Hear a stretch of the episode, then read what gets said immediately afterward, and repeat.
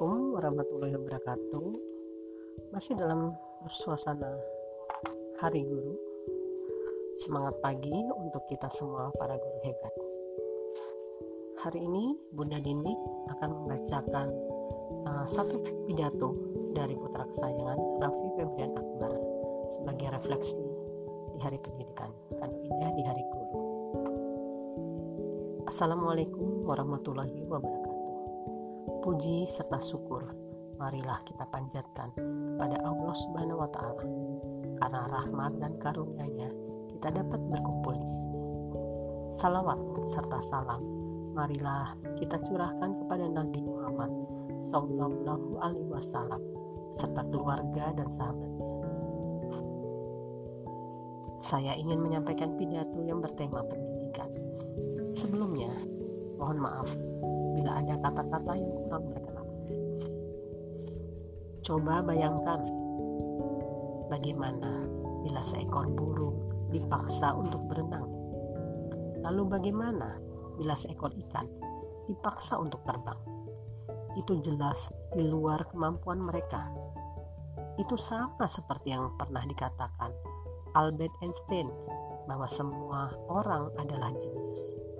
Tapi bila kamu menilai seekor ikan dari caranya memanjat pohon, maka ikan itu akan merasa bodoh selamanya.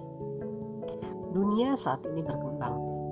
Dunia lebih membutuhkan orang yang kreatif, inovatif, berpikir kritis, merdeka, serta memiliki kemampuan untuk terhubung.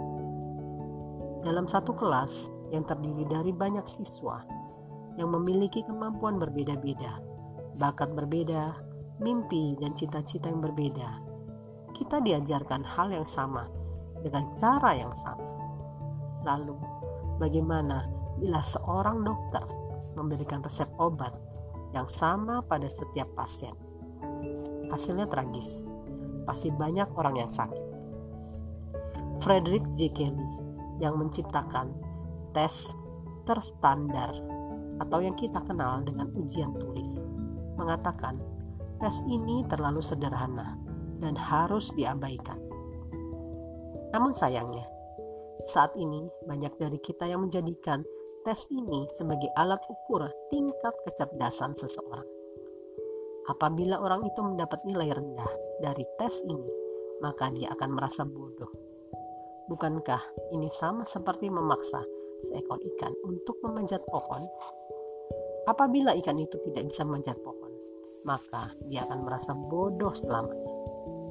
Oleh karena itu, banyak dari kita yang melakukan segala cara untuk mendapatkan nilai yang sudah menjadi kebutuhan. Salah satunya menyontek. Lalu, kenapa tetap kita yang disalahkan karena perilaku menyontek ini?